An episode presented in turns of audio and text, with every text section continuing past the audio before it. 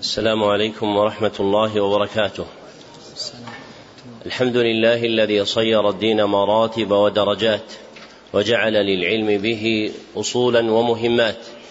وأشهد أن لا إله إلا الله حقا وأشهد أن محمدا عبده ورسوله صدقا. اللهم صل على محمد وعلى آل محمد كما صليت على إبراهيم وعلى آل إبراهيم إنك حميد مجيد. اللهم بارك على محمد وعلى آل محمد كما باركت على إبراهيم وعلى آل إبراهيم إنك حميد مجيد.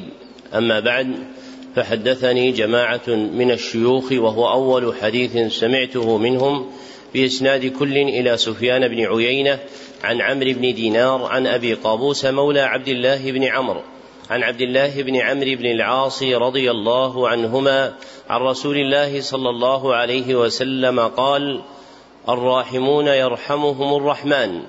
ارحموا من في الأرض يرحمكم من في السماء. ومن آكد الرحمة رحمة المعلمين بالمتعلمين. في تلقينهم أحكام الدين وترقيتهم في منازل اليقين. ومن طرائق رحمتهم إيقافهم على مهمات العلم. بإقراء أصول المتون وتبيين مقاصدها الكلية ومعانيها الإجمالية. ليستفتح بذلك المبتدئون تلقيهم ويجد فيه المتوسطون ما يذكرهم ويطلع منه المنتهون إلى تحقيق مسائل العلم. وهذا شرح الكتاب الثاني من برنامج مهمات العلم في سنته الثالثة ثلاث وثلاثين بعد الأربعمائة والألف وهو كتاب ثلاثة الأصول وأدلتها لشيخ الإسلام محمد بن عبد الوهاب التميمي رحمه الله المتوفى سنة ست بعد المئتين والألف. نعم. بسم الله الرحمن الرحيم. الحمد لله رب العالمين والصلاة والسلام على أشرف الأنبياء والمرسلين نبينا محمد وعلى آله وصحبه أجمعين. اللهم اغفر لنا ولشيخنا وللحاضرين والمسلمين أجمعين. قال شيخ الإسلام محمد بن عبد الوهاب رحمه الله تعالى في ثلاثة الأصول وأدلتها. بسم الله الرحمن الرحيم. اعلم رحمك الله أنه يجب علينا تعلم أربع مسائل. الأولى العلم وهو معرفة الله ومعرفة نبيه ومعرفة دين الإسلام بالأدلة. الثانية العمل به الثالثة الدعوة إليه الرابعة الصبر على الأذى فيه. والدليل قوله تعالى بسم الله الرحمن الرحيم. والعصر إن الإنسان لفي خسر. إلا الذين آمنوا وعملوا الصالحات وتواصوا بالحق وتواصوا بالصبر. قال الشافعي رحمه الله تعالى هذه السورة لو ما أنزل الله حجة على خلقه إلا هي لكفتهم. وقال البخاري رحمه الله تعالى باب العلم قبل القول والعمل والدليل قوله تعالى فاعلم أنه لا إله إلا الله واستغفر لذنبك. فبدأ بالعلم قبل القول والعمل. ذكر المصنف رحمه الله تعالى أنه يجب على العبد تعلم أربع مسائل. المسألة الأولى العلم وهو شرعا إدراك خطاب الشرع. وهو شرعا إدراك خطاب الشرع ومرده إلى المعارف الثلاث معرفة العبد ربه الله ونبيه محمدا صلى الله عليه وسلم ودينه الإسلام. والمراد والمراد بالإدراك هنا معناه اللغوي وهو تحصيل المطلوب والوصول إليه وهو تحصيل المطلوب والوصول إليه. فقولنا في تعريف العلم إدراك خطاب الشرع أي وصول العبد إليه وحصوله عليه. والجار والمجرور في قول المصنف بالأدلة متعلق بالثلاث جميعا فتقدير الكلام معرفة الله بالأدلة ومعرفة نبيه بالأدلة ومعرفة دين الإسلام بالأدلة. ولا يخالف هذا قوله فيما يستقبل الأصل الثاني معرفة دين الإسلام بالأدلة فإن تخصيصه بالذكر في ذلك الموضع ملاحظة لافتقار فروع الإسلام لكثرتها إلى معرفة الأدلة فلما كانت فروع الدين أكثرها مسائل أعاد رحمه الله تعالى تخصيصها بمعرفة الأدلة فقال الأصل الثاني معرفة دين الإسلام بالأدلة.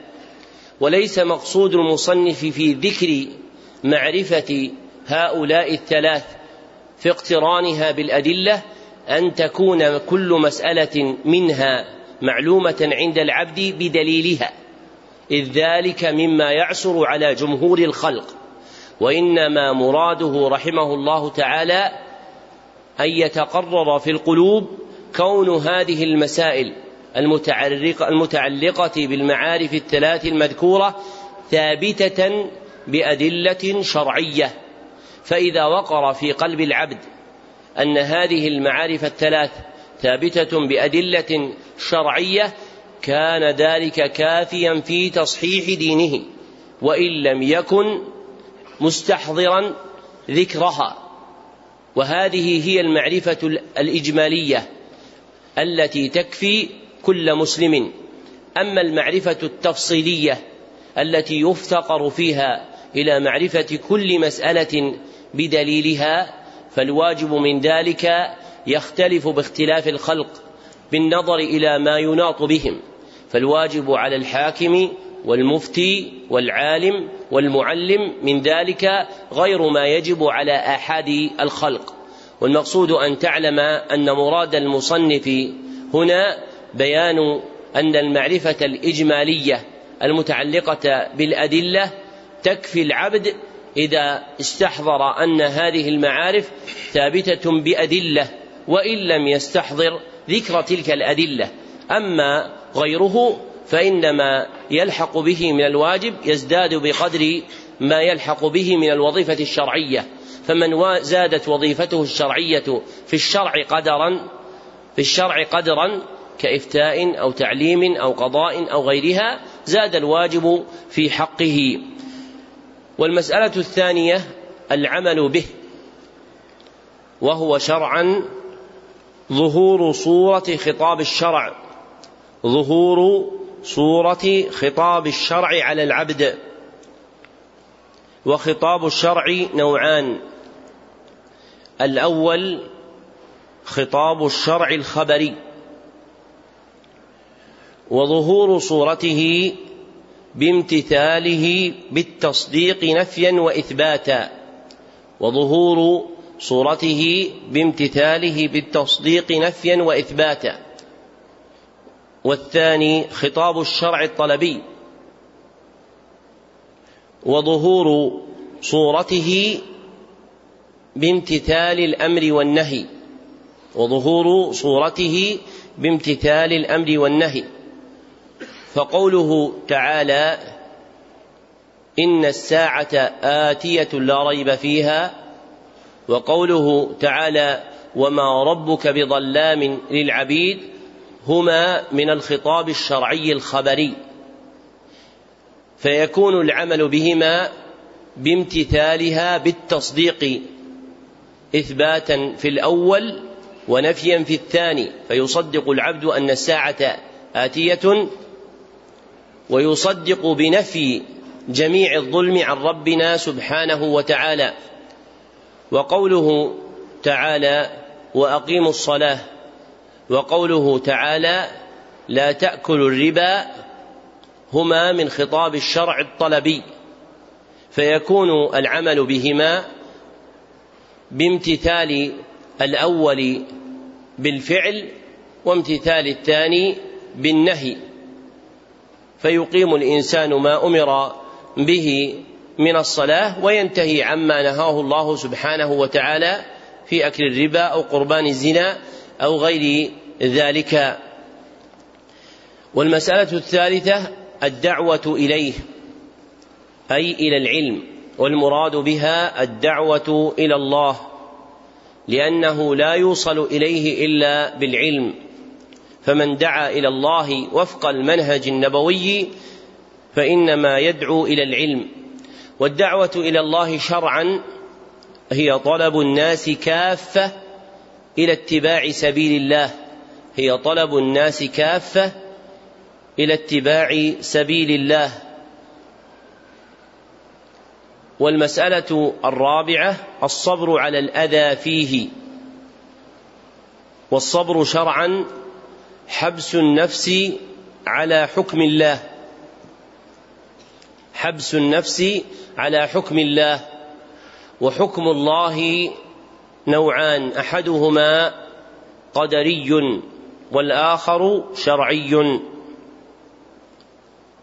والمذكور من كلام المصنف هو الصبر على الأذى فيه أي في العلم تعلما وعملا ودعوة. والأذى من القدر المؤلم. فيكون الصبر على الأذى فيه صبرا على حكم الله القدري. ولما كان العلم مامورا به شرعا فإن الصبر عليه أيضا يكون صبرا على حكم الله شر على حكم الله الشرعي. فيجتمع في العلم الصبر على حكم الله القدري والصبر على حكم الله الشرعي. والدليل على وجوب تعلم هذه المسائل الأربع هو سورة العصر لأن الله سبحانه وتعالى أقسم بالعصر أن الإنسان أي جنسه كله في خسر والعصر هو الوقت المعروف قبل غروب الشمس. وموجب تقديم هذا القول على غيره ملاحظة المعهود في خطاب الشرع. فإن العصر إذا ذكر في الخطاب الشرعي لم يرد به إلا هذا الوقت فلم يأتي في كلام الله ولا في كلام رسوله صلى الله عليه وسلم إرادة الدهر به. ومن القواعد النافعة في تفسير كلام الله وكلام رسوله صلى الله عليه وسلم الاعتناء بالمعهود في الخطاب الشرعي أي ما يدور فيه من الألفاظ على وجه معين من الاستعمال. ومن أمثلة ذلك مثلا كلمة الميل فإن الميل في الخطاب الشرعي لا يراد به إلا ميل المسافة ولم يأتي في الخطاب الشرعي على إرادة غيره. ويعلم بهذه القاعدة أن الراوي الذي قال في حديث المحشر ثم تدنو الشمس من الخلق على قدر ميل لا أدري ميل المسافة أم ميل المكحلة أن المراد به ميل المسافة لأنه لا يرد في الشرع إطلاق لفظ الميل ويراد به ميل المكحلة وهي وهو العود الذي يدخل فيها لأخذ الكحل منها وجعله في العين. فهذه القاعدة قاعدة نافعة. من فروعها الترجيح بأن المراد بالعصر في أول سورة العصر هو الوقت الذي يكون قبل غروب الشمس. ولما أقسم الله عز وجل بالعصر على أن جميع جنس الإنسان في خسر استثنى انواعا أربعة اتصف أهلها استثنى صنفا واحدا اتصف بأربعة أوصاف. فقال إلا الذين آمنوا. وهذا دليل العلم لأن الإيمان لا يدرك أصله ولا كماله إلا بعلم. ثم قال وعملوا الصالحات. وهذا دليل العمل. ووصف الأعمال بالصالحات فيه إعلام بأنه لا يراد جنس العمل وإنما يراد عمل مخصوص وهو العمل الموصوف بالصلاح الجامع بين الإخلاص لله ومتابعة رسوله صلى الله عليه وسلم. ثم قال وتواصوا بالحق وهذا دليل الدعوة.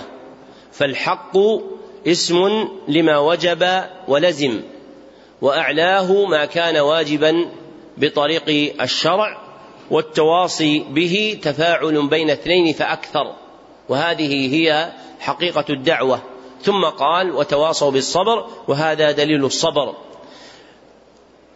ولوفاء سورة العصر بالمقاصد المذكورة قال الشافعي رحمه الله هذه السورة لو ما أنزل الله حجة على خلقه لكفتهم أي لكفتهم في قيام الحجة عليهم بوجوب امتثال حكم الله وليس المراد لأغنتهم عن بقية أدلة الشريعة في بيان أحكامها وإنما أرادوا وإنما أراد كفايتها في شيء مخصوص وهو قيام الحجة على الخلق في وجوب امتثال حكم الله الشرعي خبرا وطلبا. ذكره أبو العباس بن تيمية الحفيد وعبد اللطيف ابن عبد الرحمن آل الشيخ وعبد العزيز بن باز رحمهم الله تعالى.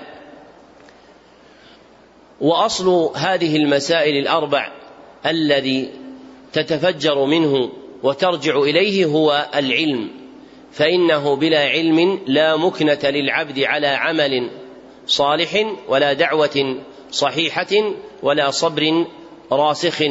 ولأجل هذا أورد المصنف رحمه الله تعالى كلام البخاري بمعناه لا بلفظه فلفظه باب العلم قبل القول والعمل لقول الله تعالى فاعلم أنه لا إله إلا الله فبدأ بالعلم انتهى كلامه. فقول المصنف قبل القول والعمل على إرادة بيان مراد البخاري. ووجه الاستدلال بهذه الآية على المراد المذكور هو أن الله سبحانه وتعالى قدم الأمر بالعلم على الأمر بالقول والعمل وهو استغفار الله سبحانه وتعالى. واستنبط هذا المعنى قبل البخاري شيخ شيوخه سفيان بن عيينة رواه عنه أبو نعيم الأصفهاني في كتاب حلية الأولياء. ثم أخذه بعد البخاري الغافقي فبوب عليه في مسند الموطأ باب العلم قبل القول والعمل. نعم. أحسن الله إليكم. قال رحمه الله اعلم رحمك الله أنه يجب على كل مسلم ومسلمة تعلم ثلاث هذه المسائل والعمل بهن. الأولى أن الله خلقنا ورزقنا ولم يتركنا هملا بل أرسل إلينا رسولا فمن أطاعه دخل الجنة ومن عصاه دخل النار. والدليل قوله تعالى إنا أرسلنا إليكم رسولا شاهدا عليكم كما أرسلنا إلى فرعون رسولا. فعصى فرعون الرسول فأخذناه أخذا وبيلا. الثانية أن الله لا يرضى أن يشرك معه أحد في عبادته. لا نبي مرسل ولا ملك مقرب ولا غيرهما. والدليل قوله تعالى وأن المساجد لله فلا تدعوا مع الله أحدا. الثالثة أن من أطاع الرسول ووحد الله لا يجوز له موالاة من حاد الله ورسوله ولو كان أقرب قريب. والدليل قوله تعالى لا تجد قوما يؤمنون بالله واليوم الآخر يوادون من حاد الله ورسوله ولو كانوا ورسوله ولو كانوا آباءهم أو أبناءهم أو إخوانهم أو عشيرتهم أولئك كتب في قلوبهم الإيمان وأيدهم بروح منه ويدخلهم جنات تجري من تحتها الأنهار خالدين فيها رضي الله عنهم ورضوا عنه. أولئك حزب الله. ألا إن حزب الله هم المفلحون. ذكر المصنف رحمه الله تعالى هنا ثلاث مسائل عظيمة يجب على كل مسلم ومسلمة تعلمهن والعمل بهن. فأما المسألة الأولى فمقصودها بيان وجوب طاعة الرسول. فمقصودها بيان وجوب طاعة الرسول. وذلك أن الله خلقنا ورزقنا ولم يتركنا هملا أي مهملين لا نؤمر ولا ننهى بل أرسل إلينا رسولا هو محمد صلى الله عليه وسلم ليأمرنا بعبادة الله فمن أطاع أمره دخل الجنة ومن عصاه دخل النار كما قال تعالى انا ارسلنا اليكم رسولا شاهدا عليكم كما ارسلنا إلى فرعون رسولا فعصى فرعون الرسول فاخذناه اخذا وبيلا أي اخذا شديدا. وتعقيب خبر إرسال الرسول إلينا بذكر إرسال موسى عليه الصلاة والسلام السلام إلى فرعون وعاقبة عصيانه تحذير لهذه الأمة من عصيان النبي المرسل إليها فيحل بهم عقاب الله وأليم عذابه في الدنيا والآخرة كما حل بفرعون وجنوده. وأما المسألة الثانية فمقصودها إبطال الشرك في العبادة ووجوب التوحيد فمقصودها إبطال الشرك في العبادة ووجوب التوحيد وأن الله لا يرضى أن يشرك معه أحد في عبادته كائنا من كان لأن العبادة حقه ولا يرضى أن يشرك معه في حقه أحد. والنهي عن دعوة غير الله دليل على أن العبادة كلها لله وحده. فمعنى الآية فلا تعبدوا مع الله أحدا لأن العبادة لله وحده. وأما المسألة الثالثة فمقصودها بيان وجوب البراءة من المشركين. فمقصودها بيان وجوب البراءة من المشركين. لأن طاعة الرسول وتوحيد الله وهما الأمران المذكوران في المسألتين الأولى والثانية لا يتحققان إلا بإقامة هذا الأصل. فالمسألة الثالثة بمنزلة التابع اللازم للمسألتين الأوليين وهي أن من أطاع الرسول ووحد الله لا تتم لا يتم له التوحيد والطاعة إلا بالبراءة من المشركين فلا يجتمع الإيمان الناشئ عن طاعة الرسول صلى الله عليه وسلم وتوحيد الله مع محبة المشركين أعداء الله. بل المؤمنون محادون من حاد الله ورسوله معادون من عاد الله ورسوله. ومعنى قوله تعالى من حاد الله ورسوله أي من كان في حد متميز عن الله ورسوله وهو حد الكفر وهو حد الكفر. فإن المؤمنين يكونون في حد ويكون المشركون في حد. وإذا تميز كل حزب في حد لم يكن بين الحزبين إلا المعاداة.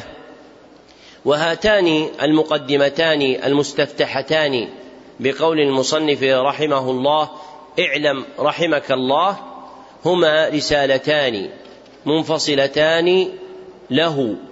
عمد بعض أصحابه إلى جعلهما توطئة بين يدي ثلاثة الأصول وأدلتها. ثم شهر هذا المجموع بهذا الاسم وإلا فرسالة ثلاثة الأصول مبتدأها قول المصنف فيما يأتي اعلم أرشدك الله لطاعته. وأما المسائل الأربع والثلاث التي جعلت بين يديها فهي من صنع بعض أصحابه. ثم اشتهر هذا المجموع باسم ثلاثة الأصول وأدلتها. نعم. قال رحمه الله تعالى اعلم أرشدك الله لطاعته أن الحنيفية ملة إبراهيم أن تعبد الله وحده مخلصا له الدين وبذلك أمر الله جميع الناس وخلقهم لها كما قال تعالى وما خلقت الجن والإنس إلا ليعبدون ومعنى يعبدون يوحدون. الحنيفية في الشرع لها معنيان أحدهما عام وهو الإسلام. والآخر خاص وهو الإقبال على الله بالتوحيد ولازمه الميل عن كل ما سواه. هو الإقبال على الله بالتوحيد ولازمه الميل عن كل ما سواه. فيكون الحنف في لسان العرب الإقبال أم الميل؟ إذا كان الميل ما يصح كلامنا لابد أن نعكس الجملة. فيكون معناه في اللغة الإقبال والميل لازم الإقبال. وفرق بين تفسير الكلمة بما وضعت له في لسان العرب وتفسيرها باللازم اللاحق لها والكلام إنما يفسر باعتبار وضعه. فيقال الحنف هو الإقبال. الحنف هو الإقبال والميل لازم له فتكون الحنيفية في معناها الخاص هي الإقبال على الله بالتوحيد ولازمه الميل عن كل ما سواه. وهي دين الأنبياء جميعا فلا تختص بإبراهيم عليه الصلاة والسلام. وأضيفت إليه تبعا لوقوعها كذلك في القرآن فإنها تذكر مضافة إلى إبراهيم عليه الصلاة والسلام. وموجبه أمران.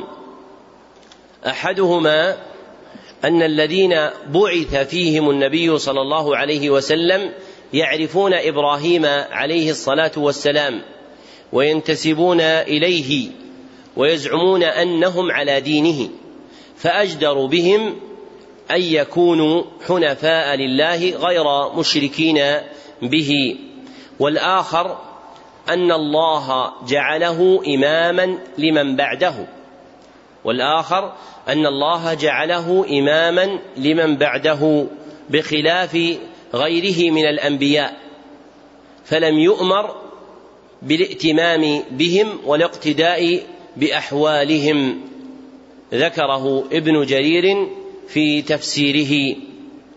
والناس جميعا مأمورون بها ومخلوقون لأجلها والدليل قوله تعالى وما خلقت الجن والإنس إلا ليعبدون فإنما خلق الجن والإنس لأجل عبادة الله وبرهانه هذه الآية فهي مصرحة بكونهم مخلوقين لأجلها. وإذا كانوا مخلوقين لأجلها فهم مأمورون بها. فالأمر لازم لفظها والخلق هو صريحه. وتفسير المصنف رحمه الله يعبدون بقوله يوحدون له وجهان. أحدهما أنه من تفسير اللفظ بأخص أفراده تعظيما له أنه من تفسير اللفظ بأخص أفراده تعظيما له. فإن التوحيد آكد أنواع العبادة. والآخر أنه تفسير لللفظ بما وضع له. أنه تفسير لللفظ بما وضع له. فالعبادة تطلق في الشرع ويراد بها التوحيد. فالعبادة تطلق في الشرع ويراد بها التوحيد. ومنه قوله تعالى يا أيها الناس اعبدوا ربكم أي وحدوه. والعبادة والتوحيد أصلان عظيمان يجتمعان ويفترقان بحسب المعنى المنظور إليه. فأما اجتماعهما فيكون إذا نظر إلى إرادة التقرب فيكون إذا نظر إلى إرادة التقرب أي قصد القلب العمل تقربا إلى الله عز وجل فيكونان حينئذ مترادفين فتكون كل عبادة يتقرب بها إلى الله توحيد له. وهذا معنى قول المصنف في كتاب القواعد الأربع فاعلم أن العبادة لا تسمى عبادة إلا مع التوحيد. فكل عبادة يتقرب بها العبد إلى ربه هي توحيد له. وأما افتراقهما فيكون إذا نظر إلى الأعمال المتقرب بها. فيكون إذا نظر إلى الأعمال المتقرب بها فهي باعتبار أفرادها مختلفة الأنواع. فكل ما تقرب به إلى الله فهو عبادة ويكون التوحيد واحدا من تلك الأعمال التي يتقرب بها العبد إلى ربه. فهذه هي الصلة بين العبادة والتوحيد اجتماعا وافتراقا. فيفترقان في حال ويجتمعان في حال. نعم. قال رحمه الله وأعظم ما أمر الله به التوحيد وهو إفراد الله بالعبادة وأعظم ما نهى عنه الشرك وهو دعوة غيره معه والدليل قوله تعالى واعبدوا الله ولا تشركوا به شيئا. فإذا قيل لك ما الأصول الثلاثة التي يجب على الإنسان معرفتها فقل معرفة العبد ربه ودينه ونبيه محمدا صلى الله عليه وسلم.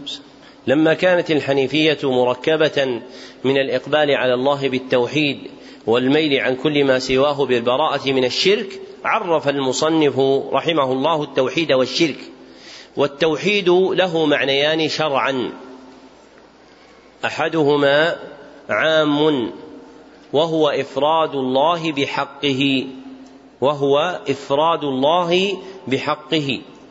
وحق الله نوعان حق في المعرفة والإثبات وحق في القصد والطلب. حق في المعرفة والإثبات وحق في القصد والطلب.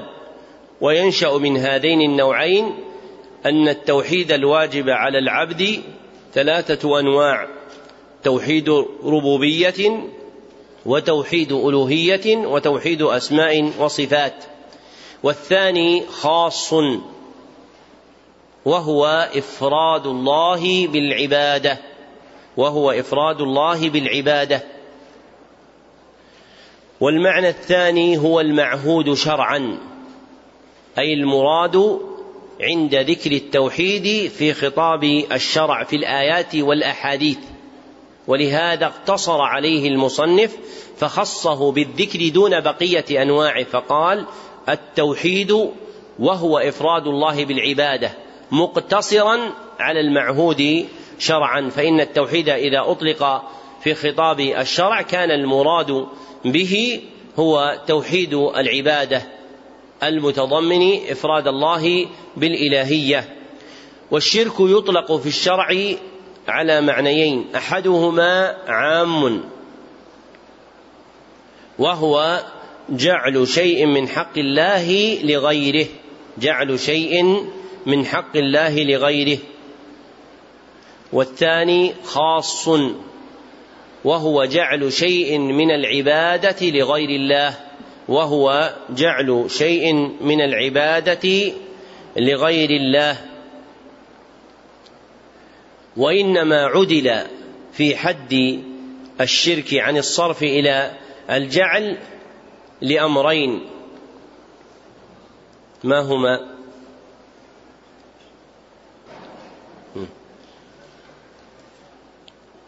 ومنه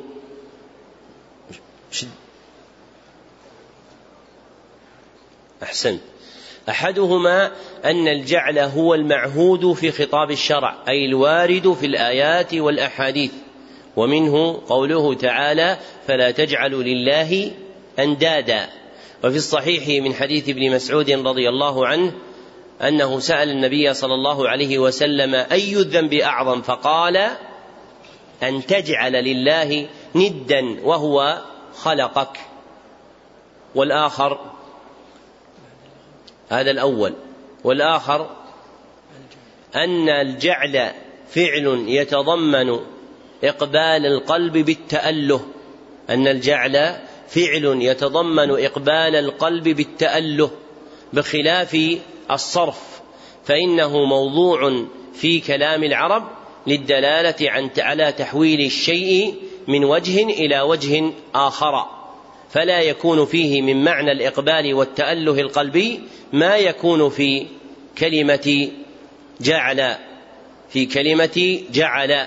فلأجل هذين الأمرين عدل عن المشهور في كلام المتكلمين في بيان حقيقة الشرك عن الصرف إلى الجعل.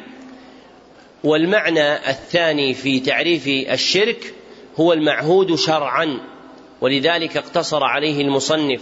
فقال وأعظم ما نهى عنه الشرك وهو دعوة غيره معه لأن الشرك يطلق في خطاب الشرع ويراد به الشرك المتعلق بالعبادة والعبادة يعبر عنها بالدعاء كما سيأتي فقول المصنف وهو دعوة غيره غيره معه بمعنى عبادة غير الله سبحانه وتعالى معه فهذان اللفظان يقعان على معنيين أحدهما عام واسع والآخر ضيق خاص وبالثاني ورد خطاب الشرع. وجرى المصنف رحمه الله تعالى على موافقة خطاب الشرع فذكر تعريف التوحيد والشرك باعتبار المعنى الخاص المعهود شرعا. وتقديم ما قدمه الله ورسوله صلى الله عليه وسلم أصل أصيل في بيان مقاصد الشرع. وأعظم ما أمر الله سبحانه وتعالى به التوحيد وأعظم ما نهى عنه الشرك كما قال المصنف. والدليل قوله تعالى واعبدوا الله ولا تشركوا به شيئا. ووجه دلالته على ذلك أن الأمر بعبادة الله والنهي عن الشرك به جاء ذكرهما مقدما في آية الحقوق العشرة وهي قول الله تعالى واعبدوا الله ولا تشركوا به شيئا وبالوالدين إحسانا وبذي القربى واليتامى والمساكين إلى تمام الآية فلما قدم الأمر بعبادة الله والنهي عن الشرك به على سائر الحقوق علم أنهما أعظم فإنما يقدم الأهم. ذكر هذا الوجه في دلالة الآية على أعظمية التوحيد والشرك ابن قاسم العاصمي في حاشية ثلاثة الأصول. ثم بين المصنف مسألة أخرى. مرتبة على ما تقدم فقال فإذا قيل لك ما الأصول الثلاثة إلى آخره. وقد علمت فيما سلف أن الله عز وجل خلقنا لأجل عبادته وأمرنا بها. ولا يمكن القيام بها إلا بمعرفة ثلاثة أصول. أحدها معرفة المعبود الذي تجعل له تلك العبادة.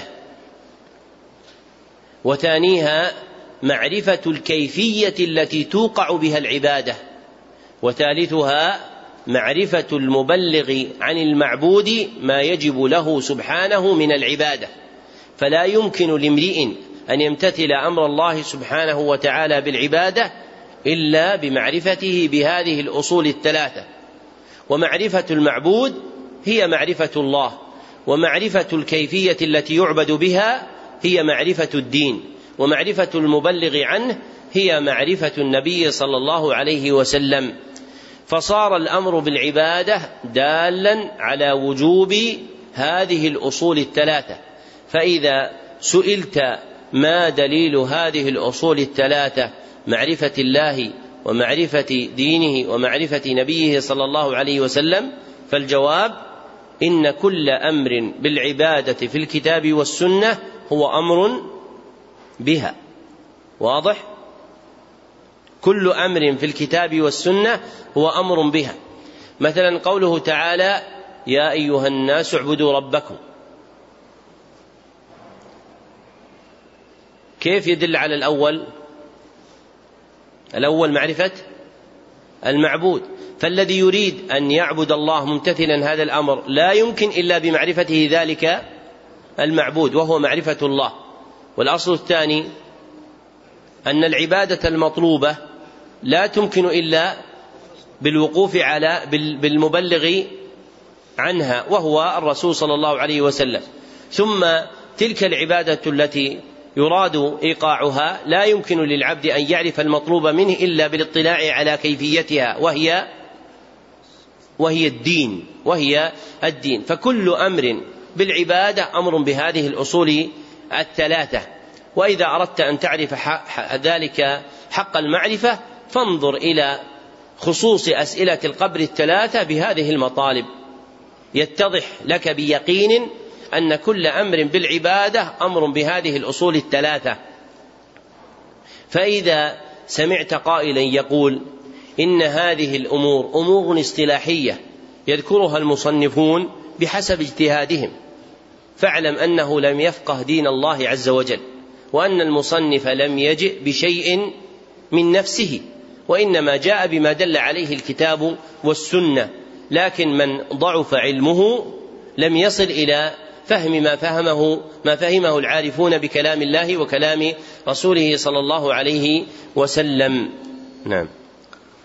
قال رحمه الله فإذا قيل لك من ربك فقل ربي الله الذي رباني وربى جميع العالمين بنعمته وهو معبودي ليس لي معبود سواه. والدليل قوله تعالى الحمد لله رب العالمين وكل ما سوى الله عالم وأنا واحد من ذلك العالم. شرع المصنف رحمه الله يبين الأصل الأول وهو معرفة العبد ربه. فقال فإذا قيل لك من ربك فقل ربي الله الذي رباني إلى آخره. ومعرفة الله على وجه الكمال متعذرة في حق الخلق لأن كماله عز وجل مما يعجز عن الإحاطة به المخلوقون. فلا يتناهى كمال الله عز وجل إلى حد يمكن ضبطه بمعرفته. وكلما زاد العبد معرفة بالله سبحانه وتعالى اطلع على حقيقة جهله بقدر الله عز وجل. ومن معرفة الله عز وجل قدر يتعين على كل أحد. وما زاد عن هذا القدر فالناس يتفاضلون فيه. وأصول معرفة الله الواجبة على كل أحد أربعة.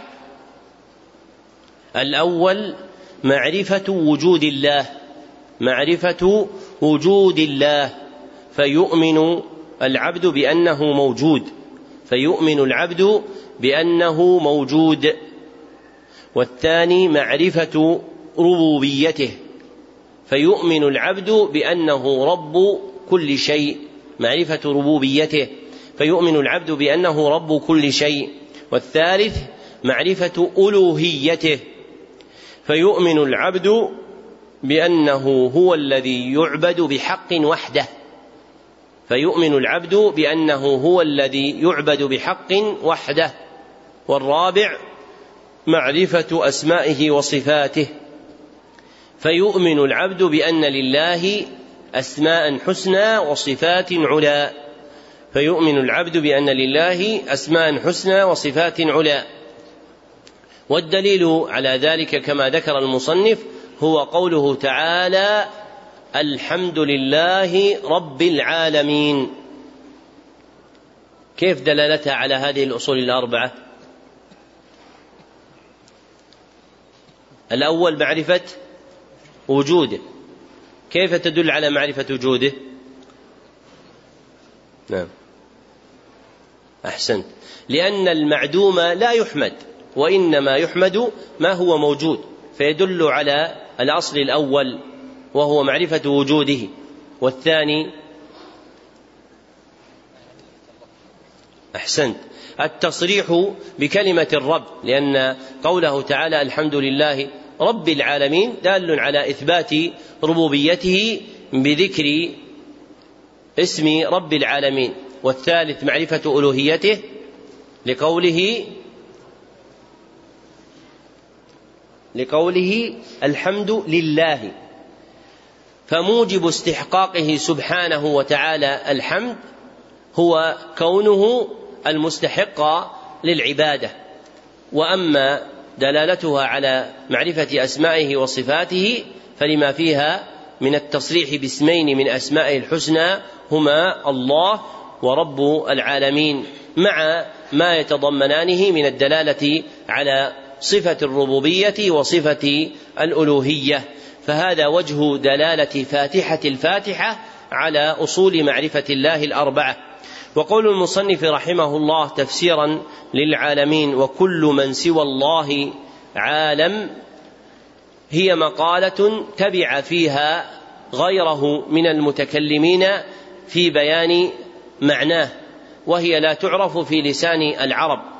وإنما هي من اصطلاحات الفلاسفة والمنطقيين التي سرت في العلوم حتى ظن الناس أنها معنى العالمين في الوضع اللغوي. ومنشأ ذلك أن الفلاسفة رتبوا مقدمتين مشهورتين. الأولى الله قديم والثانية العالم حادث. ونشأ من هاتين المقدمتين قولهم كل ما سوى الله عالم. ثم فشت هذه النتيجة في كلام أهل العلم وظنوها موافقة للوضع اللغوي وإنما هي داخلة من كلام الفلاسفة نتيجة للمقدمتين المشهورتين عندهما. أشار إلى ذلك بإيجاز الطاهر بن عاشور في التحرير والتنوير. والعالمين في لسان العرب اسم للأفراد المتجانسة كعالم الإنس وعالم الجن وعالم الملائكة. وليست كل مخلوقات الله عز وجل أفرادا متجانسة بل منها ما هو من الأفراد المتجانسة كالإنس والجن والملائكة ومنها أفراد لا جنس لا ومنها أفراد لا نظير لها من جنسها كالعرش والكرسي والجنة والنار. فيكون تفسير العالمين هو الأفراد المتجانسة من المخلوقات والمخلوقات نوعان. أحدهما أفراد متجانسة كالإنس والجن والملائكة والآخر أفراد غير متجانسة إذ لا نظير لها من جنسها. كالعرش والكرسي والجنة والنار. فيكون قوله تعالى رب العالمين أي رب الأفراد المتجانسة من المخلوقات. وذكرهم دون غيرهم على وجه التعظيم لهذا المخلوق. فإن فيه من ظهور عظمة الله عز وجل ما ليس في غيره فتكون الآية دالة على بعض المخلوقات لعظمتها وهي المخلوقات المتجانسة. ولا تكون هذه الآية دالة على عموم ربوبية الله وإنما تدل على ربوبيته لجنس خاص وهو الأفراد المتجانسة. وأما الآية الدالة على عموم ربوبية الله عز وجل فهي قوله تعالى وهو رب كل شيء فإنه يدخل في هذا العموم كل مخلوق من مخلوقات الله عز وجل من الأفراد المتجانسة وغيرها. نعم. قال رحمه الله فإذا قيل لك بما عرفت ربك فقل بآياته ومخلوقاته ومن آياته الليل والنهار والشمس والقمر ومن مخلوقاته السماوات السبع ومن فيهن والأرضون السبع ومن فيهن وما بينهما والدليل قوله تعالى لخلق السماوات والأرض أكبر من خلق الناس. وقوله تعالى ومن آياته الليل والنهار والشمس والقمر لا تسجدوا للشمس ولا للقمر واسجدوا لله الذي خلقهن إن كنتم إياه تعبدون.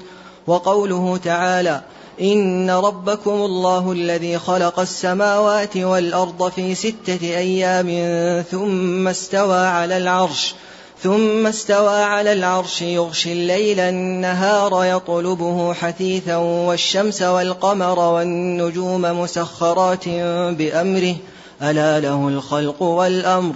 تبارك الله رب العالمين. لما ذكر المصنف رحمه الله أن الله هو الرب أن الله هو الرب وبين دليله كشف عن الدليل المرشد إلى معرفة الله عز وجل. والدليل المرشد إلى معرفة الله عز وجل نوعان أحدهما التفكر في آياته الكونية. التفكر في آياته الكونية والآخر التدبر في آياته الشرعية. التدبر في آياته الشرعية.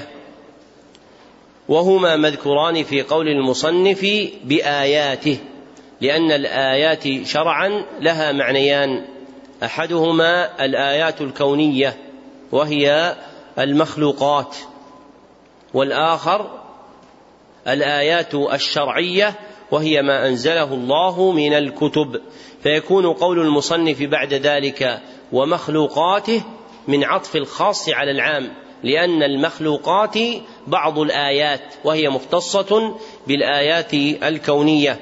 ثم ذكر المصنف أن من آيات الله الليل والنهار والشمس والقمر وأن من مخلوقاته السماوات السبع ومن فيهن والأراضون السبع ومن فيهن وما بينهما.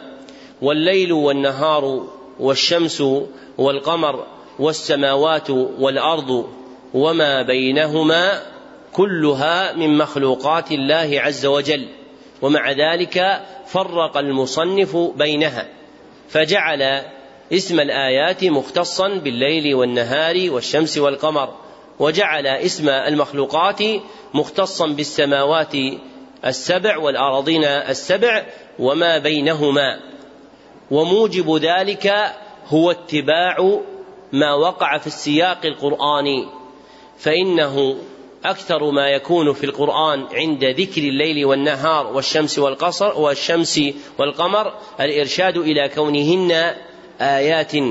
وإذا ذكر فيه السماوات والأرض أشير إليهن بأنهن مخلوقات. فتبع المصنف رحمه الله تعالى سياق القرآن. وموجب وقوع ذلك في سياق القرآن هو بناؤه على الوضع اللغوي. فإن الآية في لسان العرب هي العلامة. وظهور هذا المعنى في الشمس والقمر والليل والنهار أقوى لأنهن يتجددن ويتتابعن. فظهور كونهن علامة أجلى. وتسمية الأرض والسماوات بالمخلوقات ملاحظة للمعنى اللغوي للخلق وهو التقدير. فالسماوات والأرض مقدرة على صورة واحدة لا تتغير. فالأرض والسماء في الليل والنهار على صورتها التي خلقها الله سبحانه وتعالى.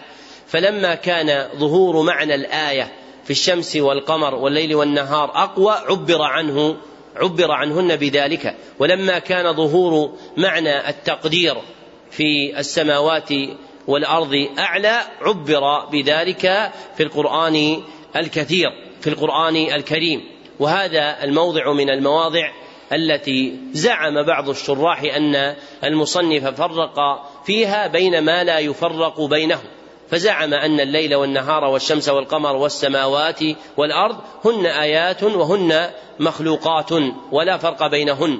وهذا باعتبار ما يتبادر من الألفاظ صحيح لكن باعتبار الوضع الشرعي فرق بينهن في القرآن على الوجه الذي ذكرت لك. فتبع المصنف رحمه الله تعالى السياق القرآني ووقع السياق القرآني كذلك لما ذكرت لك من ملاحظة الوضع اللغوي في اسم الآية واسم المخلوق. ومعنى يغشي في الآية الثالثة المستدل بها يغطي. وحثيثا سريعا ومسخرات مذللات. نعم.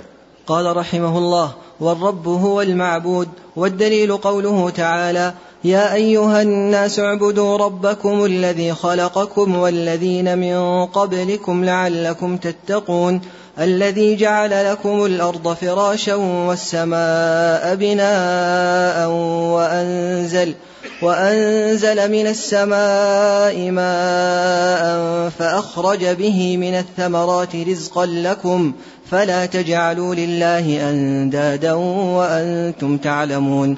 قال ابن كثير رحمه الله تعالى الخالق لهذه الأشياء هو المستحق للعبادة. لما بين المصنف رحمه الله الدليل المرشد إلى معرفة الرب عز وجل ذكر أن الرب هو المستحق للعبادة. فمعنى قوله والرب هو المعبود أي هو المستحق أن يكون معبودا وليس كلامه تفسيرا للفظ الرب وأنه يقع كذلك في لسان العرب فإن الرب لا يفسر بالمعبود في قول جمهور أهل اللغة وهو الصحيح وإنما أراد المصنف بيان أن موجب استحقاق الله عز وجل للعبادة هو كونه ربا ثم ذكر كلام ابن كثير رحمه الله تعالى في تصديق ذلك مستدلا بقول الله تعالى يا أيها الناس اعبدوا ربكم إلى تمام الآية وما بعدها فإن الله عز وجل ذكر في صدرها الأمر بالعبادة ثم ذكر موجبه وهو الربوبية فقال الذي خلقكم والذين من قبلكم فالإقرار بالربوبية يستلزم الإقرار بالألوهية. فمن أقر بالله ربا وجب أن يقر به معبودا مألوها تجعل العبادة كلها له. ومن أوسع أودية الأدلة في تحقيق توحيد العبادة هو بيان كونه سبحانه وتعالى ربا. وقد ذكر ابن الوزير في ترجيح أساليب القرآن على أساليب اليونان عن صاحب كتاب مذاهب السلف ولم يسمه ولا عرفته أن في القرآن خمسمائة آية كلها تدل على الربوبية. انتهى كلامه. وإنما ملئ القرآن ببيان ربوبية الله عز وجل لإيصال الخلق منها إلى وجوب توحيده سبحانه وتعالى بالألوهية. فمن كان ربا وجب أن يكون معبودا. نعم. قال رحمه الله وأنواع العبادة التي أمر الله بها مثل الإسلام والإيمان والإحسان ومنه الدعاء والخوف والرجاء والتوكل والرغبة والرهبة والخشوع والخشية والإنابة والاستعانة والاستعاذة والاستغاثة والذبح والنذر وغير ذلك من أنواع العبادة التي أمر الله بها كلها لله تعالى. والدليل قوله تعالى وأن المساجد لله فلا تدعوا مع الله أحدا. عبادة الله لها معنيان في الشرع. أحدهما عام وهو امتثال خطاب الشرع المقترن بالحب والخضوع. امتثال خطاب الشرع المقترن بالحب والخضوع. والثاني خاص وهو التوحيد. والثاني خاص وهو التوحيد. وعبر بالخضوع في بيان المعنى العام للعبادة دون الذل لأمرين. أحدهما اقتفاء الخطاب الشرعي لأن الخضوع مما يعبد به الله بخلاف الذل. فالخضوع يكون دينيا شرعيا وكونيا قدريا. بخلاف الذل فإنه لا يكون إلا كونيا قدريا. فيقال للخلق اخضعوا لله ولا يقال لهم ذلوا لله لأجل المأخذ الذي ذكرته لك. فلا يتقرب إلى الله عز وجل بالذل وإنما يتقرب له بالخضوع فيكون عبادة له. وفي صحيح البخاري من حديث أبي هريرة رضي الله عنه أن النبي صلى الله عليه وسلم قال إذا قضى الله بالأمر في السماء ضربت الملائكة بأجنحتها خضعانا لقوله أي خضوعا له سبحانه وتعالى فهي عبادة لكونها من أفعال الملائكة التي يتقربون بها إلى ربهم. وعند البيهقي بسند صحيح عن عمر بن الخطاب في قنوته أنه كان يقول ونؤمن بك ونخضع لك ولم يقل ونذل لك. والآخر أن الذل ينطوي على الإجبار والقهر أن الذل ينطوي على الإجبار والقهر فقلب الذليل فارغ من الإقبال على الله عز وجل الذي هو حقيقة العبادة. كما أنه يتضمن نقصا لا يناسب الحاله التي يبلغها العبد إذا عبد ربه سبحانه وتعالى. ولا يجله ذلك لا يأتي الذل مطلقا إلا على وجه النقص كما قال تعالى خاشعين من الذل وقال ترهقهم ذلة. وما يخالف ذلك من الآيات فقد بينا وجهه وأنه لم يجئ على وجه الإطلاق وإنما جاء على وجه التقييد. فيكون المختار مما يوافق أدلة الشرع أن يذكر الخضوع في العبادة ولا يذكر الذل لأجل الأمرين اللذين سبق ذكرهما. وفي ذلك قال منشدكم وعبادة الرحمن غاية حبه وخضوع قاصده هما قطبان. وعبادة الرحمن غاية حبه وخضوع قاصده هما قطبان وقاصده هو المتوجه إليه في طلبه. وأنواع العبادة كلها لله عز وجل. قال تعالى وأن المساجد لله. الآية فالنهي عن عبادة غير الله عز وجل دليل على أن العبادة لله وحده. وأشير إلى العبادة في قوله تعالى فلا تدعوا مع الله أحدا بقوله تدعو لأن العبادة يعبر عنها في الشرع كثيرا بالدعاء لأنه ركنها الركين ولبها المتين. وعند أصحاب السنن بسند صحيح من حديث النعمان بن بشير رضي الله عنهما أن النبي صلى الله عليه وسلم قال الدعاء هو العبادة فمعنى الآية فلا تعبدوا مع الله أحدا لأن العبادة لله وحده. نعم. قال رحمه الله فمن صرف منها شيئا لغير الله فهو مشرك كافر والدليل قوله تعالى ومن يدع مع الله إلها آخر لا برهان له به فإنما حسابه عند ربه. إنه لا يفلح الكافرون. ذكر المصنف رحمه الله أن من صرف شيئا من العبادات لغير الله فهو مشرك كافر. واستدل بآية المؤمنون ووجه الدلالة منها في قوله إنه لا يفلح الكافرون مع قوله في أولها ومن يدع مع الله إلها آخر. فإنه يدل على أن المذكور فيها من أفعال الكافرين. والمذكور فيها هو عبادة غير الله وأشير إليها بالدعاء فمعنى قوله ومن يدعو مع الله إلها آخر ومن يعبد مع الله إلها آخر وتوعده بالحساب تهديد له وما اقترفه هو كفر لأنه أشار إلى مصيره بعد حسابه في الآخرة بقوله إنه لا يفلح الكافرون. ونفي نفي الفلاح لا يكون إلا في حق من مستقره النار. فنفي الفلاح في الآخرة دال على الخسران المبين الذي هو جزاء الكافرين. وجعل شيء من العبادة لغير الله سبحانه وتعالى شرك. والكفر يكون بالشرك وغيره. والمذكور هنا من الكفر في الآية هو الشرك. ومعنى قوله لا برهان له أي لا حجة له به ولا بينة على ما ادعاه. وهذا وصف كاشف لحقيقة كل معبود سوى الله. فكل معبود سوى الله سبحانه وتعالى لا حجة لعابده على استحقاقه العبودية. فليس وصفا مميزا لأنواع المعبودات أن منها ما تقوم الحجة عليه. ومنها ما لا تقوم كذلك بل هي صفة كاشفة عن حال كل معبود سوى الله أن عابده لا تكون له حجة على استحقاقه العبادة. نعم.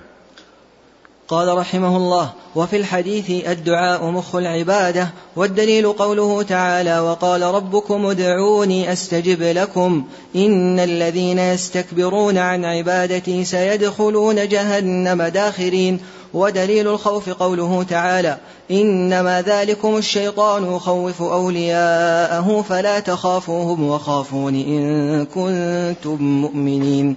ودليل الرجاء قوله تعالى فمن كان يرجو لقاء ربه فليعمل عملا صالحا ولا يشرك بعباده ربه احدا ودليل التوكل قوله تعالى وعلى الله فتوكلوا ان كنتم مؤمنين وقوله تعالى ومن يتوكل على الله فهو حسبه ودليل الرغبة والرهبة والخشوع. قوله تعالى إنهم كانوا يسارعون في الخيرات ويدعوننا رغبا ورهبا وكانوا لنا خاشعين. ودليل الخشية قوله تعالى فلا تخشوهم واخشوني ودليل الإنابة قوله تعالى وأنيبوا إلى ربكم وأسلموا له الآية ودليل الاستعانة قوله تعالى إياك نعبد وإياك نستعين وفي الحديث إذا استعنت فاستعن بالله ودليل الاستعاذة قوله تعالى قل أعوذ برب الفلق وقوله تعالى قل أعوذ برب الناس ودليل الاستغاثة قوله تعالى إذ تستغيثون ربكم فاستجاب لكم ودليل الذبح قوله تعالى قل إن صلاتي ونسكي ومحياي ومماتي لله رب العالمين لا شريك له ومن السنة قوله صلى الله عليه وسلم لعن الله من ذبح لغير الله. ودليل النذر قوله تعالى يوفون بالنذر ويخافون يوما كان شره مستطيرا.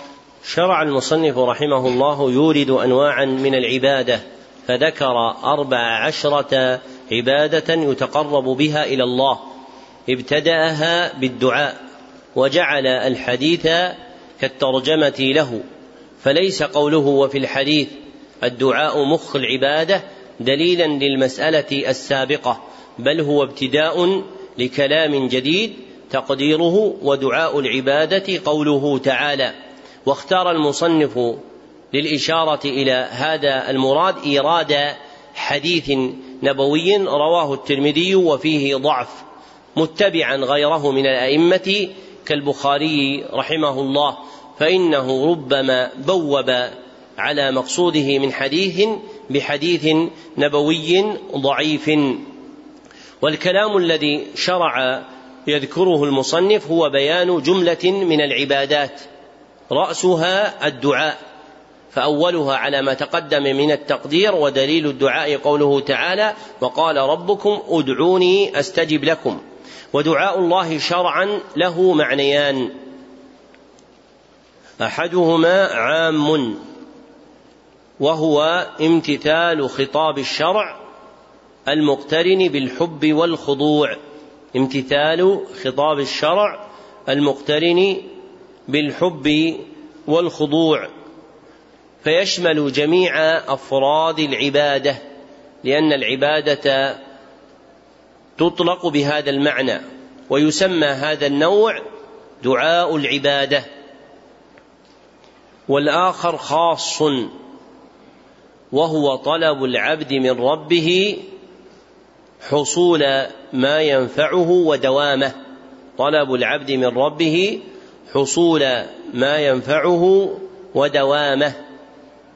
أو دفع ما يضره ورفعه. أو دفع ما يضره ورفعه. ويسمى دعاء المسألة. هذه هي العبادة الأولى والعبادة الثانية هي الخوف من الله. وخوف الله شرعا هو فرار قلب العبد إلى الله ذعرا وفزعا. هو فرار قلب العبد إلى الله ذعرا وفزعا. ماذا ذكرنا في السنة الماضية؟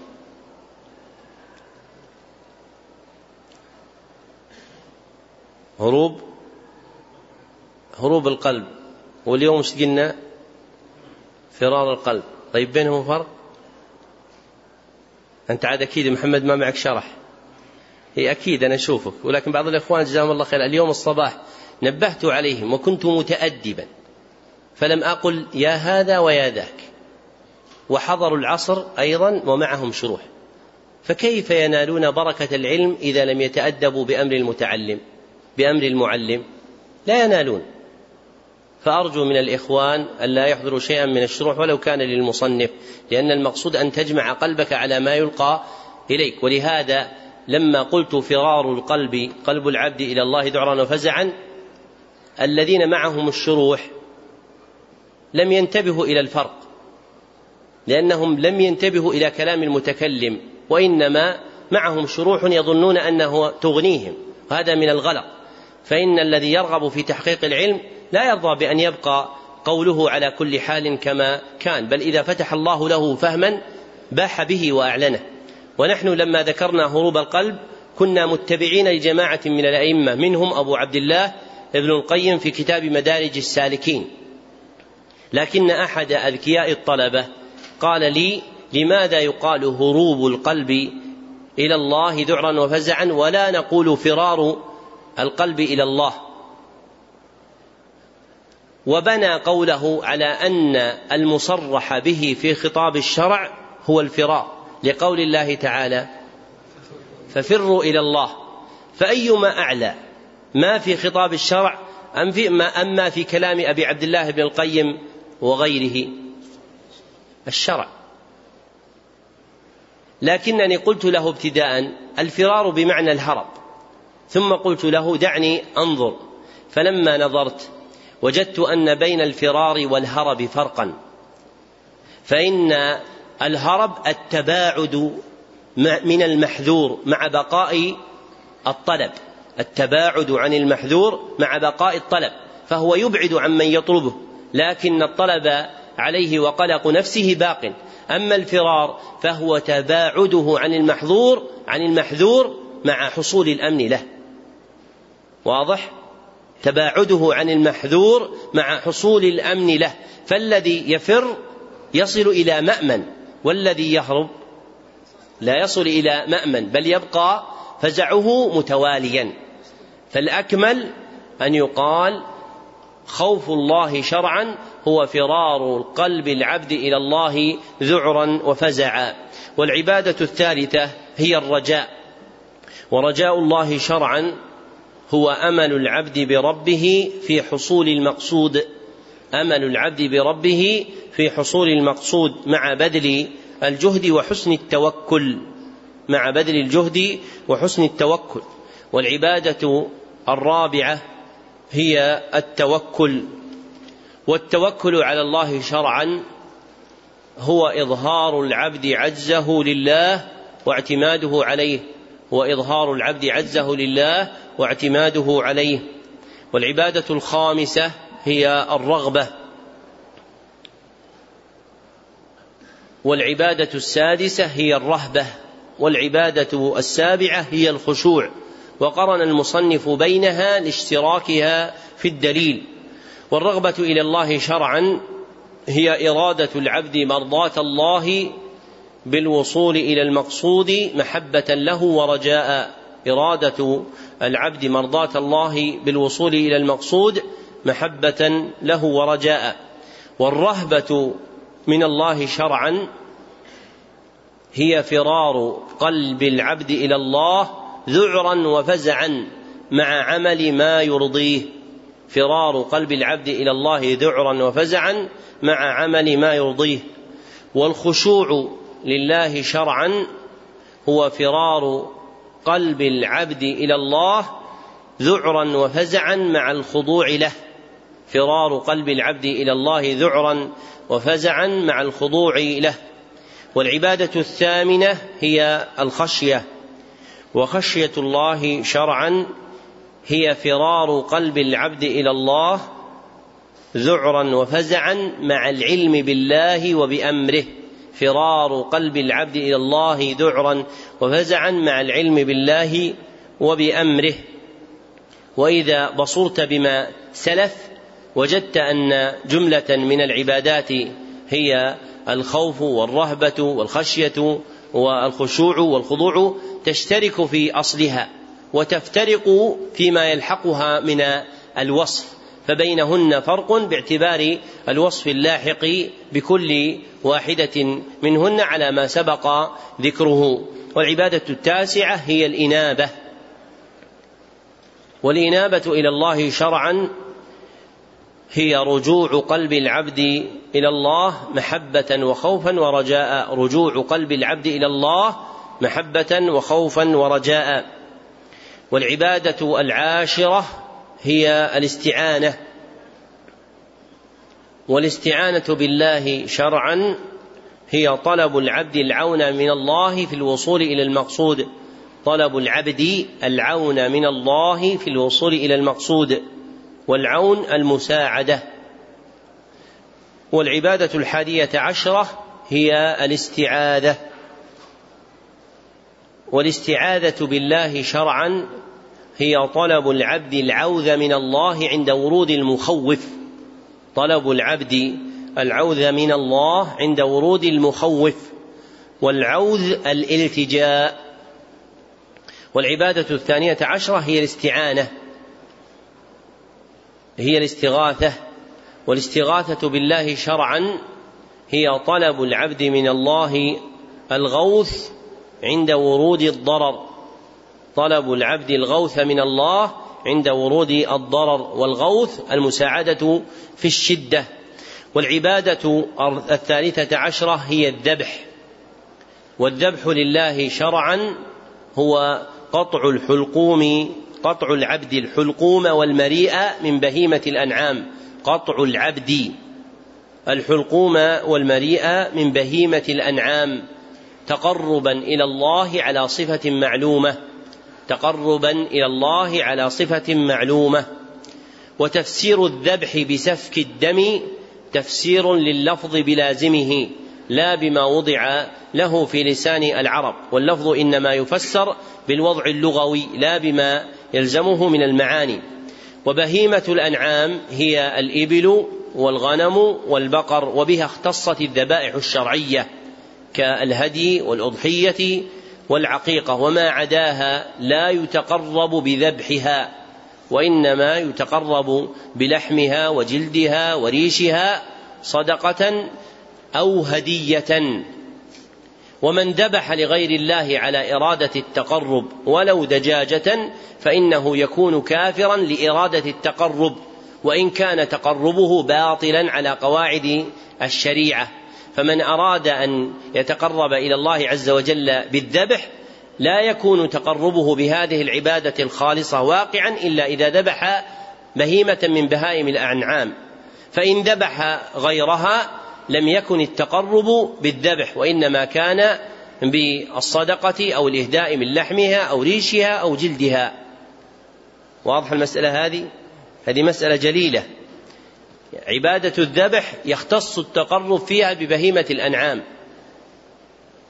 فلو ذبح الإنسان دجاجة على نية التقرب إلى الله عز وجل بالذبح تكون عبادته واقعة أم لا تكون؟ غير واقعة لأن الذبح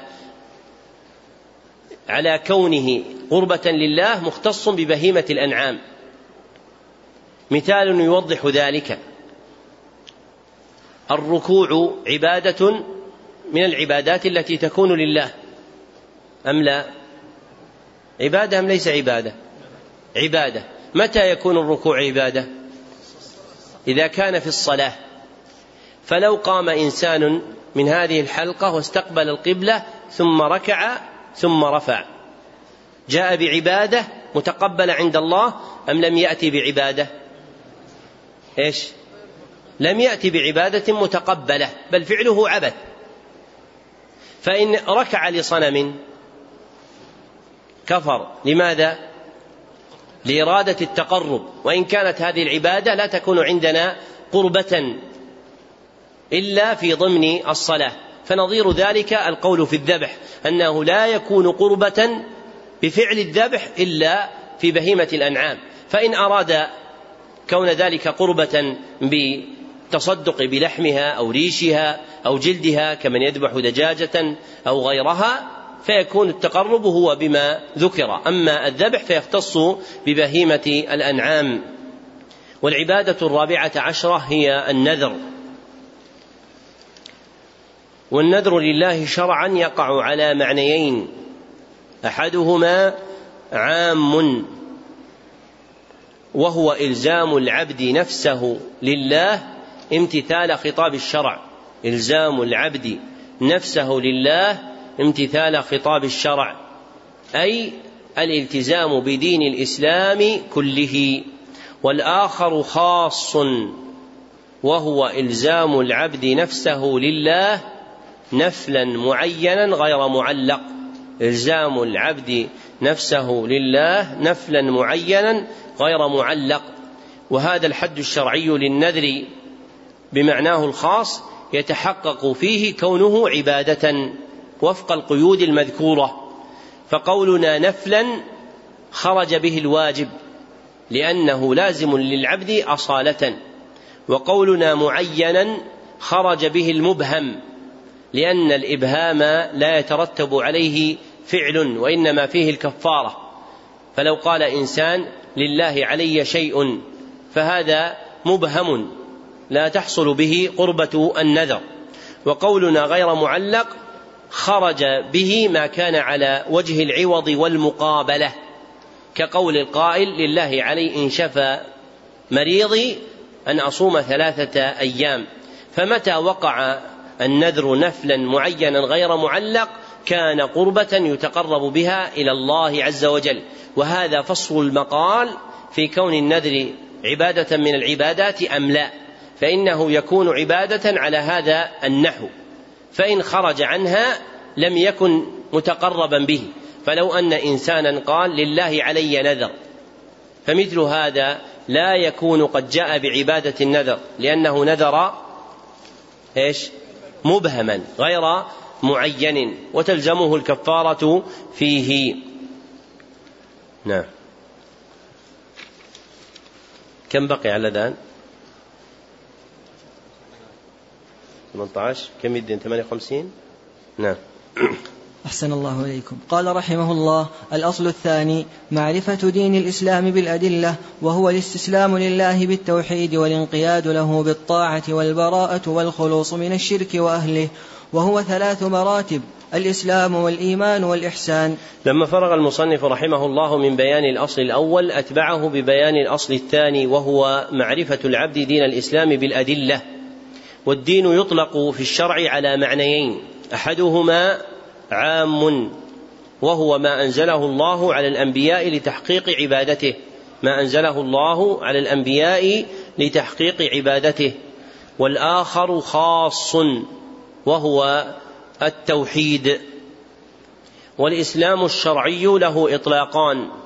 أحدهما عام وهو الاستسلام لله بالتوحيد والانقياد له بالطاعة والبراءة والخلوص من الشرك وأهله وهذا هو دين الأنبياء جميعا. والآخر خاص وله معنيان أيضا. الأول الدين الذي بعث به محمد صلى الله عليه وسلم. ومنه حديث ابن عمر حديث ابن عمر رضي الله عنهما في الصحيحين بني الإسلام على خمس. أي بني الدين الذي بعث به النبي صلى الله عليه وسلم على خمس وحقيقته شرعا استسلام الباطن والظاهر لله استسلام الباطن والظاهر لله تعبدا له بالشرع المنزل على محمد صلى الله عليه وسلم على مقام المشاهدة أو المراقبة استسلام الباطن والظاهر لله تعبدا له بالشرع المنزل على محمد صلى الله عليه وسلم على مقام المشاهدة أو المراقبة. والثاني الأعمال الظاهرة فإنها تسمى إسلاما. وهذا المعنى هو المقصود إذا قرن الإسلام بالإيمان والإحسان. والإسلام الذي بعث به محمد صلى الله عليه وسلم له ثلاث مراتب كما ذكر المصنف. الأولى مرتبة الأعمال الظاهرة وتسمى الإسلام. والثانية مرتبة الاعتقادات الباطنة وتسمى الإيمان. والثالثة مرتبة إتقانهما وحقيقتها عبادة الله على مقام المشاهدة أو المراقبة وتسمى الإحسان. ومن أهم مهمات الديانة معرفة الواجب عليك في هذه المراتب في إسلامك وإيمانك وإحسانك. والواجب منها يرجع إلى ثلاثة أصول. فالأصل الأول الاعتقاد. والواجب فيه كونه موافقا للحق في نفسه. والواجب فيه كونه موافقا للحق في نفسه. وجماعه أصول الإيمان الستة التي ستأتي. والحق من الاعتقاد ما جاء به الشرع. والأصل الثاني الفعل. والواجب فيه موافقة حركات العبد الاختيارية ظاهرا وباطنا موافقة حركات العبد الاختيارية باطنا وظاهرا للشرع امرا وحلا. للشرع امرا وحلا. والحركات الاختيارية هي ما صدر عن قصد وإرادة. والأمر الفرض والنفل والحل ما أذن الله سبحانه وتعالى به. فينبغي أن تكون أفعال العبد الاختيارية دائرة بين الأمر والحلال. وفعل العبد نوعان. أحدهما فعله مع ربه. أحدهما فعله مع ربه. وجماعه شرائع الإسلام اللازمة وجماعه شرائع الإسلام اللازمة له كالصلاة والصيام والزكاة والحج وشروطها وأركانها ومبطلاتها. والآخر فعله مع الخلق. وجماعه أحكام المعاشرة والمعاملة معهم. والأصل الثالث الترك. والأصل الثالث الترك. والواجب فيه موافقة الكف والامتناع عن الفعل لمرضاة الله. موافقة الكف والامتناع عن الفعل لمرضاة الله. وجماعه المحرمات الخمس التي اتفقت عليها الأنبياء. وهي الفواحش والإثم والبغي والشرك والقول على الله بغير علم وما يرجع إليها ويتصل بها.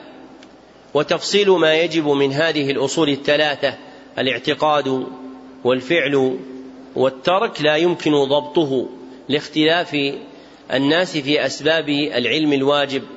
ذكره ابن القيم في مفتاح دار السعادة. وهذه المسألة مسألة جليلة وهي من أهم ما ينبغي التنويه به عند شرح ثلاثة الأصول ببيان ما يجب عليك في إسلامك وإيمانك وإحسانك. ومن أحسن من تكلم فيها أبو عبد الله ابن القيم في مفتاح دار السعادة. نعم. قال رحمه الله وكل مرتبة لها أركان فأركان الإسلام خمسة والدليل من السنة حديث ابن عمر رضي الله عنهما قال قال رسول الله صلى الله عليه وسلم بني الإسلام على خمس شهادة أن لا إله إلا الله وأن محمدا رسول الله وإقام الصلاة وإيتاء الزكاة وصوم رمضان وحج البيت. والدليل كل مرتبة من مراتب الدين الثلاث لها أركان. فأركان الإسلام خمسة هي المذكورة في حديث ابن عمر المتفق عليه الذي أورده المصنف وأركان الإيمان ستة وهي أن تؤمن بالله وملائكته وكتبه ورسله واليوم الآخر وبالقدر خيره وشره وسيأتي ذكرها. وأركان الإحسان اثنان أحدهما أن تعبد الله وثانيهما أن يكون إيقاع تلك العبادة على مقام المشاهدة أو المراقبة. أن يكون إيقاع تلك العبادة يعني فعلها على مقام المشاهدة أو المراقبة. نعم. قال رحمه الله والدليل قوله تعالى إن الدين عند الله الإسلام. وقوله تعالى ومن يبتغ غير الإسلام دينا فلن يقبل منه وهو في الآخرة من الخاسرين. ودليل الشهادة قوله تعالى شهد الله أنه لا إله إلا هو والملائكة وأولو العلم قائما بالقسط. لا إله إلا هو العزيز الحكيم.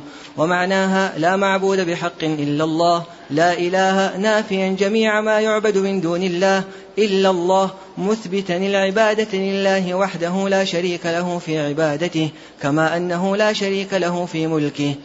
وتفسيرها الذي يوضحها قوله تعالى واذ قال إبراهيم لابيه وقومه انني براء مما تعبدون الا الذي فطرني الايه وقوله قل يا أهل الكتاب تعالوا إلى كلمه سواء بيننا وبينكم الا نعبد الا الله ولا نشرك به شيئا ولا نشرك به شيئا ولا يتخذ بعضنا بعضا اربابا من دون الله فإن تولوا فقولوا اشهدوا بأننا مسلمون.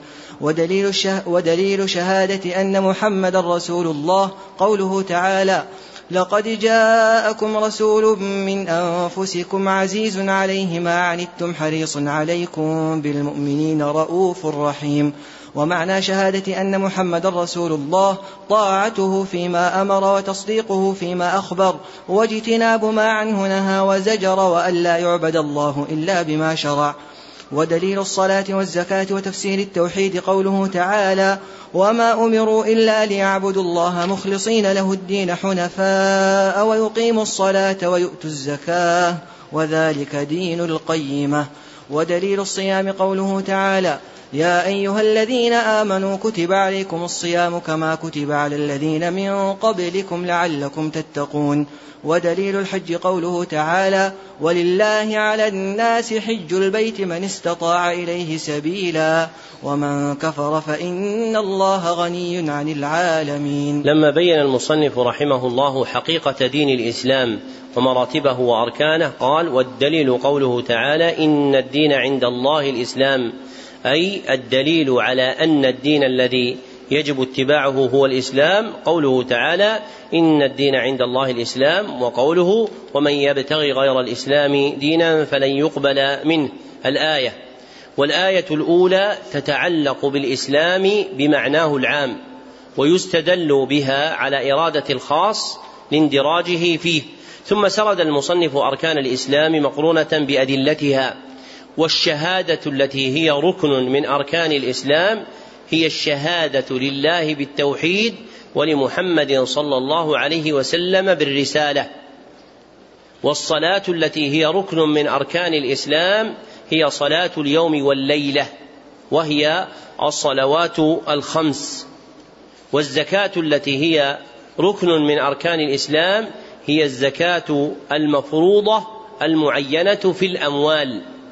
والصوم الذي هو ركن من أركان الإسلام هو صوم رمضان في كل سنة والحج الذي هو ركن من أركان الإسلام هو حج الفرض إلى بيت الله الحرام في العمر مرة واحدة. فما خرج عن ذلك مما يرجع إلى هذه الأركان فلا يندرج في الركنية ولو قيل بوجوبه. فمثلا زكاة الفطر واجبة.